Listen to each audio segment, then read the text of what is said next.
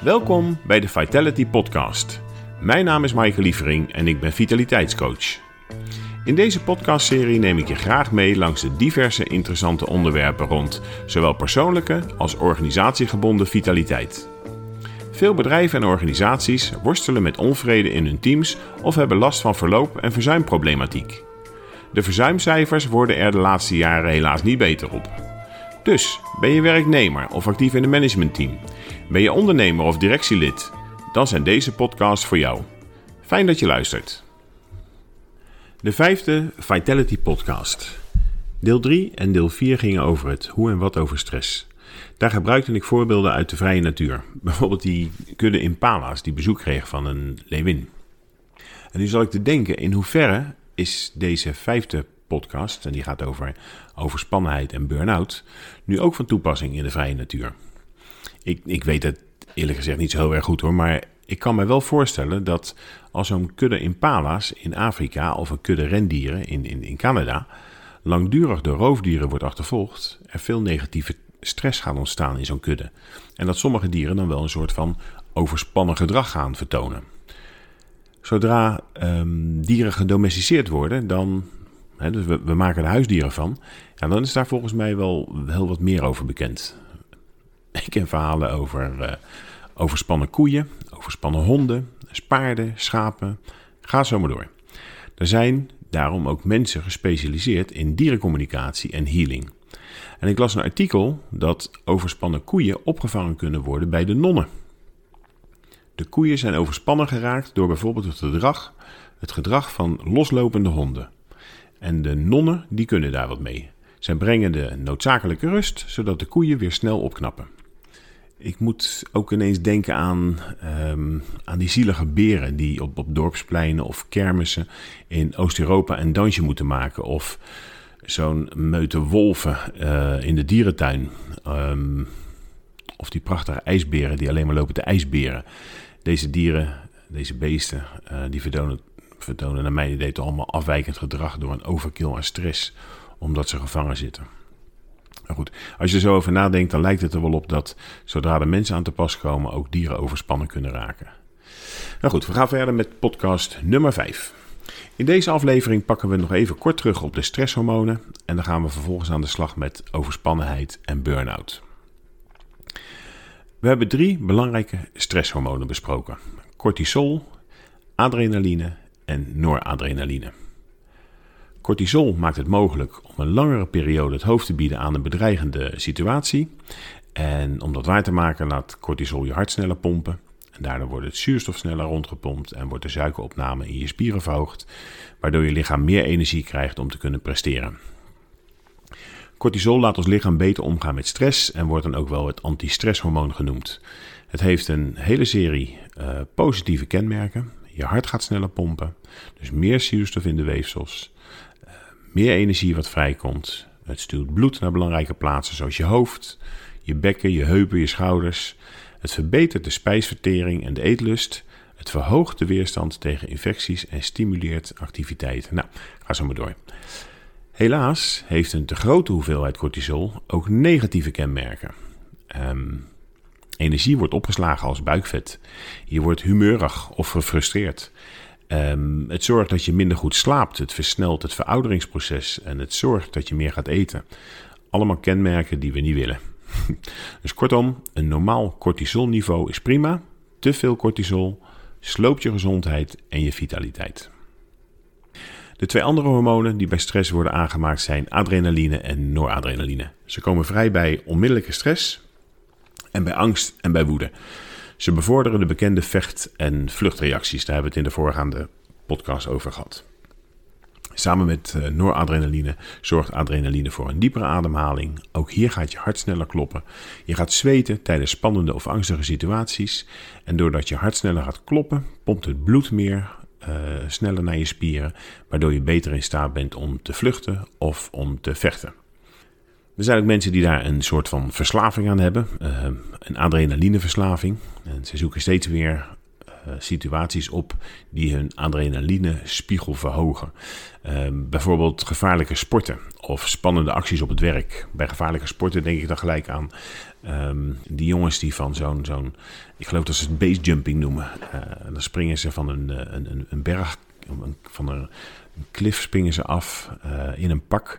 Wat ze dan, als ze de armen en de benen wijd doen, een heel eind kunnen zweven. En dan pas op het allerlaatste moment trekken ze een parachute tevoorschijn. En dat, uh, nou, dat, verhoogt, verhoogt echt wel je adrenalinespiegel, denk ik. Nou goed, en daar kan je ook aan verslaafd raken. Noradrenaline heeft ongeveer dezelfde werking als adrenaline, hoewel noradrenaline meer rol zou spelen bij fysieke inspanning en adrenaline bij overlevingsfuncties. Nou, dat kan ik me wel voorstellen bij die jongens die zo naar beneden jumpen. Um, als je te lang blootstaat aan, uh, aan stress, dan maakt je lichaam voortdurend die stresshormonen aan. Hè? Dus cortisol, adrenaline, noradrenaline. Um, je lichaam heeft dan veel minder energie beschikbaar om zichzelf te herstellen. En op langere termijn heeft dat zelfs negatieve gevolgen. Hè? Want je kan sneller verouderen, uh, je hebt minder zin in seks, je hebt minder, een minder goede spijsvertering, spierafbraak, gewichttoename, hart- en vaatziekten. Nou, allemaal dingen niet echt om naar uit te kijken. En deze negatieve stress die komt bij iedereen voor. Dat is een normaal onderdeel van ons leven en het, is, uh, het hoort er nou eenmaal bij, die dingen die gebeuren. Maar het is wel belangrijk om tijdig te sturen richting positieve stress. Maar dat is niet altijd mogelijk. Bijvoorbeeld als mensen worden geconfronteerd met heftige gebeurtenissen die hun leven tijdelijk op de kop zetten. Um, en die negatieve stress kan blijven uh, voortduren als mensen niet weten hoe ze zich moeten aanpassen aan die veranderende omstandigheden. En als je dan langdurig wordt blootgesteld aan negatieve stress met weinig herstelperiode, of als een negatieve stress zo heftig is dat het herstel stagneert, dan kan overspannenheid ontstaan. Overspannenheid is eigenlijk een toestand met aanhoudende fysieke en psychische spanningsklachten, ontstaan door chronische overbelasting en stress. Waardoor iemand niet meer tot rust komt en het gevoel heeft dat, het werk, dat hij zelf het werk niet meer aan kan en daardoor ook minder goed functioneert. De belangrijkste kenmerken van overspannenheid, of het belangrijkste kenmerk eigenlijk van overspannenheid, is het optreden van spanningsklachten. Er zijn er twee belangrijke punten waar je eh, naar moet kijken. Uh, deze klachten die duren langer dan drie maanden. Die houden langer dan drie maanden aan. En de klachten uh, belemmeren eigenlijk je dagelijks functioneren. En daar hebben we een hele lijst van veel voorkomende spanningsklachten. Schrik niet, want het is inderdaad een, een aardig lijstje. Lichamelijke en geestelijke vermoeidheid, veranderende eetlust, hartkloppingen, angstgevoelens, gespannenheid, prikkelbaarheid, verlies van interesse, vergeetachtigheid, slaapproblemen, hyperventilatie, oppervlakkige ademhaling, spierpijn, hoofdpijn, nek- en schouderpijn. Ben nog? Dan gaan we nog even verder met het lijstje. Oorsuizen, darmproblemen, concentratieproblemen, weerstand tegen werk, sociale contacten vermijden, verminderde productiviteit en emotionele labiliteit. Overspannenheid en de daarmee samenhangende klachten nemen in de regel af en verdwijnen vaak als iemand voldoende tijd neemt voor herstel. En dat herstel bestaat niet alleen uit voldoende rust, maar ook uit het sturen naar positieve stress. Daarbij kunnen ook nog een aantal andere dingen goed helpen: gezonde voeding, een evenwichtige dagstructuur, ehm, actieve momenten en rustmomenten netjes in balans brengen en sporten draagt allemaal bij aan herstel typische onderwerpen waarbij ik je als vitaliteitscoach mee kan helpen. Ik had een, um, een, zakelijke relatie van mij en die, uh, die zei heel vaak: Als je te veel hooi op je vork neemt, dan gebeurt er van alles niks. En dat is precies wat er is. Voor mij altijd een goede les geweest. Als je gezond en vitaal bent en je neemt te veel hooi op je vork, dan gebeurt er van alles niets. Je bent reuze druk met van alles. En je rent als een kip zonder kop je rond, maar de resultaten blijven uit. En die grens die ligt weliswaar bij iedereen anders, maar at the end bereik je het punt dat alles half was wordt gedaan. Ben je overspannen en heb je een aantal van die spanningsklachten uit het voorgaande lijstje, nou zeg maar voorgaande lijst, dan zou je die grens veel eerder bereiken. Of waarschijnlijk heb je hem dan al lang bereikt. En het zal iets heel menselijks zijn hoor, maar um, als je aan iemand vraagt hoe het met hem of met haar is, dan is het antwoord vaak: Oh, druk, druk, druk, druk, druk. Ik heb het zo druk, ik kom niet meer toe aan de dingen die echt belangrijk zijn. Dat is, dat is natuurlijk eigenlijk een heel vreemd antwoord. Want ik heb het zo druk dat ik niet meer toekom aan de zaken die echt belangrijk zijn. Dat, dat impliceert dat je met de verkeerde zaken bezig bent, toch? En het is volgens mij ook zo. Als je op, deze wijze antwoordt, dan heb je het punt bereikt dat je met de verkeerde zaken bezig bent. Je bent druk met van alles en nog wat, maar je vergeet jezelf. Het wordt tijd om dat spanningsklachtenlijstje maar eens te, te controleren, te checken. Neem tijd voor jezelf, neem voldoende rust, besteed aandacht aan die belangrijke zaken. Besteed aandacht aan jezelf, je gezondheid, je vitaliteit, je partner en je gezin. En zorg dat je uit die negatieve stress komt. Want je weet, zodra de klachten je dagelijks functioneren gaan belemmeren, dan ben je over, onderweg naar overspannenheid. Of misschien naar zelfs een burn-out. En dat gaat sneller dan je denkt, of misschien zou verwachten. Zodra je overspannenheid een chronische vorm aanneemt, loop je al het risico voor een burn-out. En een burn-out kan ontstaan als iemand langdurige stress- en spanningsklachten negeert en stug blijft doorgaan met zichzelf overbelasten. Waarbij overspannenheid formeel wordt gediagnosticeerd na drie maanden aanhoudende spanningsklachten die jou dagelijks functionele belemmeren, is er sprake van een burn-out in die je jezelf soms al jarenlang overbelast. Je lichaam en je geest zijn dan zo uitgeput dat herstel niet meer spontaan optreedt. Dus ook niet als de oorzaken van de stress worden weggenomen. Aandacht voor jezelf, een stapje terug, focus op je gezondheid en de rustmomenten nemen, hebben dan eigenlijk helemaal geen zin meer. Je bent fysiek en mentaal helemaal op. Je zou kunnen stellen dat een burn-out een vorm van chronische overspannenheid is, waarbij herstel niet meer spontaan optreedt door rust te nemen. Wat hier nog wel eens een issue is, is dat mensen met een burn-out zich vaak niet gehoord voelen door de medische professionals.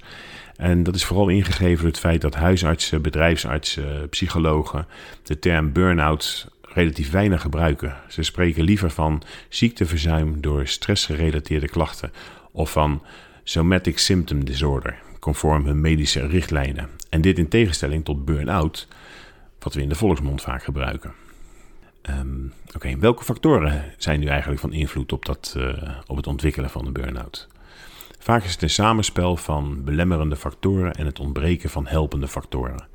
Daarnaast zou je een indeling kunnen maken met onderscheid tussen werkkenmerken, persoonskenmerken en factoren van buiten het werk. Belemmerende werkkenmerken zijn onder andere, nou dat zijn die dingen waar we allemaal wel eens tegenaan lopen, maar hopelijk niet al te, te, lang. Um, zaken als tijdsdruk, structureel overwerken, geen inspraak hebben, weinig of geen steun van collega's krijgen, complexe werkzaamheden hebben, emotioneel zwaar werk, weinig ontwikkelingsmogelijkheden, geen autonomie, onvoldoende beloningen, te groot takenpakket, veel veranderingen, onveilige werkomgeving, conflicten en onzekerheid over het behouden van je werk. Helpende factoren of helpende werkkenmerken zijn vaak exact tegengesteld aan die belemmerende factoren. Dus conflicten hebben is een belemmerende factor. Dan is de helpende factor juist vaak goede contacten hebben en steun van je collega's krijgen. Op de meeste werkkenmerken hebben werknemers en werkgevers direct invloed. En daarom nou, vormen ze ook een goed aangrijpingspunt voor vitaliteitscoaching. Naast de werkkenmerken kunnen de belemmerende factoren ook uit gedrag, gedachten, gevoelens of andere persoonskenmerken komen. Je wilt te aardig zijn, perfectionistisch, je hebt misschien faalangst, of je bent verlegen, je hebt een laag zelfbeeld, of je hebt een overdreven verantwoordelijkheidsgevoel, je bent extra stressgevoelig of misschien emotioneel labiel. Enkele van deze kenmerken zijn aangeboren en andere juist zijn aangeleerd. Gedrag, gedachten en gevoelens zijn grotendeels aangeleerd. En dat is fijn, want dan bieden ze houvast om invloed op uit te oefenen. Behoeften en persoonlijkheidskenmerken liggen meer vast en zijn grotendeels aangeboren. Iemand die van nature introvert is, kan dat persoonlijkheidskenmerk niet zomaar veranderen. Werken in een druk team kan dan extra vermoeiend zijn. Aangeboren kenmerken kan je wel beter leren kennen en je kunt vaardigheden ontwikkelen om ze enigszins te compenseren. Buiten die werkproblemen en problemen als gevolg van persoonskenmerken zijn er ook nog andersoortige problemen die van invloed kunnen zijn als belemmerende factor voor een burn-out. Kunnen we meer vinden in de, in de privésfeer. Um, bijvoorbeeld financiële problemen of conflicten in de familie, opvoedingsmoeilijkheden, mantelzorgen zijn, uh, ingrijpende levensgebeurtenissen, burenruzie, eenzaamheid, relatieproblemen, jeugdtrauma's. Nou, je kunt het lijstje zelf wel, uh, wel afmaken, denk ik. Inzicht hebben in de oorzaken van een burn-out helpt bij het kiezen van de juiste interventie. Iemand die verlegen is, zal bijvoorbeeld gebaat zijn bij het oefenen van assertieve vaardigheden. Goed, nu we toch in de sneltrein, sneltreinvaart door het wat en hoe van de burn-out zijn gegaan, rest nog wel de vraag wat nu de gevolgen zijn van de burn-out. En dan zijn we al gauw geneigd om hier alleen te kijken naar de persoon uh, die dat ondergaat. Of zijn gezin, of haar gezin. En dat is uiteraard ook het belangrijkste hoor. Maar punt is echter wel dat de impact van een burn-out nog veel verder gaat. Op niveau 1 is de persoon zelf, bij zijn of haar gezin. Op niveau 2 is het werk, waaronder het team, de werkgever en de organisatie. Niveau 3 is op macroniveau en betreft de maatschappij en de overheid. Een burn-out heeft verreweg de grootste impact op de persoon zelf. Mensen die een burn-out hebben, die voelen zich doodmoe en kunnen toch niet slapen. En slaapgebrek is een van de belangrijkste voorspellers voor het ontwikkelen van een depressie. Er treedt bij hen vaak een verlies aan zingeving op en verminderde belangstelling voor de gebruikelijke interesses en het plezier op het werk slaat vaak om in afkeer. Mensen met een burn-out zijn vaak bang dat ze de controle kwijt zijn over zichzelf en hun leven, dat de klachten nooit meer overgaan en dat ze nooit meer de oude zullen worden. Tegelijkertijd wordt dat gevoel van controleverlies versterkt door onzekerheid over inkomen. Niet alle werkgevers gaan goed om met de klachten van werknemers. En soms ontaarden reïntegratiegesprekken in juridische uh, en manipulatieve strijd die nog meer stress en gevoelens van controleverlies oplevert. Ook voor het gezin heeft een burn-out ernstige gevolgen. Prikkelbaarheid, oververmoeidheid, verlies van interesse en depressieve gevoelens beïnvloeden de andere gezinsleden, die vaak niet zo goed begrijpen wat er nou werkelijk aan de hand is.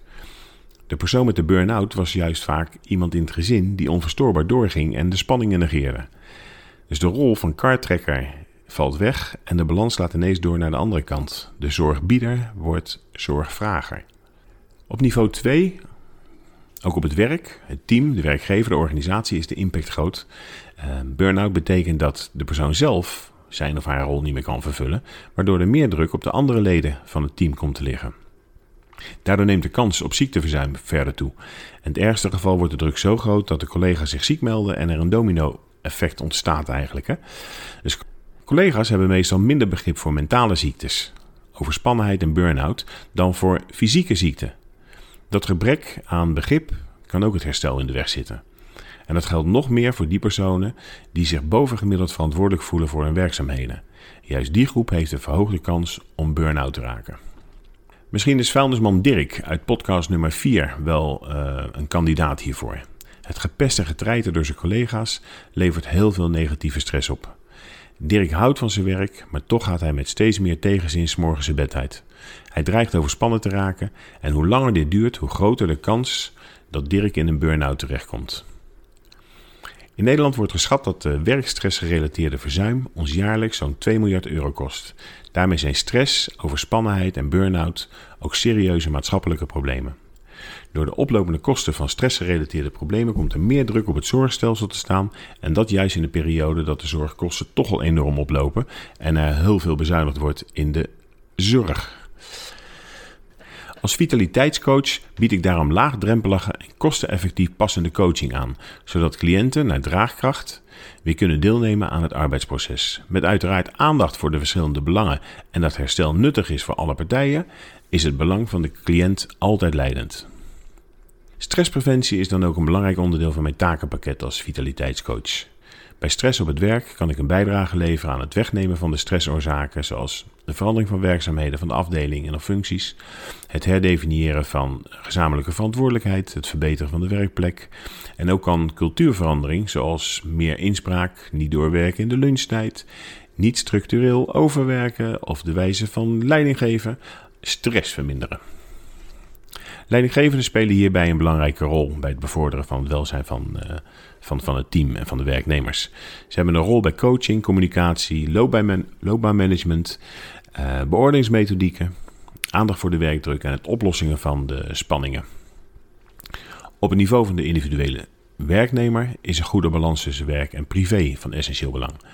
Ook het verhogen van de individuele belastbaarheid en het beter leren omgaan met stress komen aan de orde. Denk aan het beter omgaan met je tijd, werken aan een positief zelfbeeld en leren omgaan met emoties, spanning en ontlading. At the end kan iemand pas herstellen van een burn-out als de oorzaak ervan is weggenomen. Iemand moet leren anders met zijn werk om te gaan. En soms is het verstandig om een andere baan te zoeken. Hoe dan ook, er moet iets gebeuren. Langzaamaan en rustig weer opbouwen. Alleen zo kan je een burn-out verhelpen. Het is allemaal erg heftig en het kan lang duren voordat alles weer normaal draait. Maar met de juiste behandeling en begeleiding zal ook een burn-out uiteindelijk verleden tijd worden. Er zijn, die, ja, er zijn diverse behandelmethoden van een, uh, een burn-out.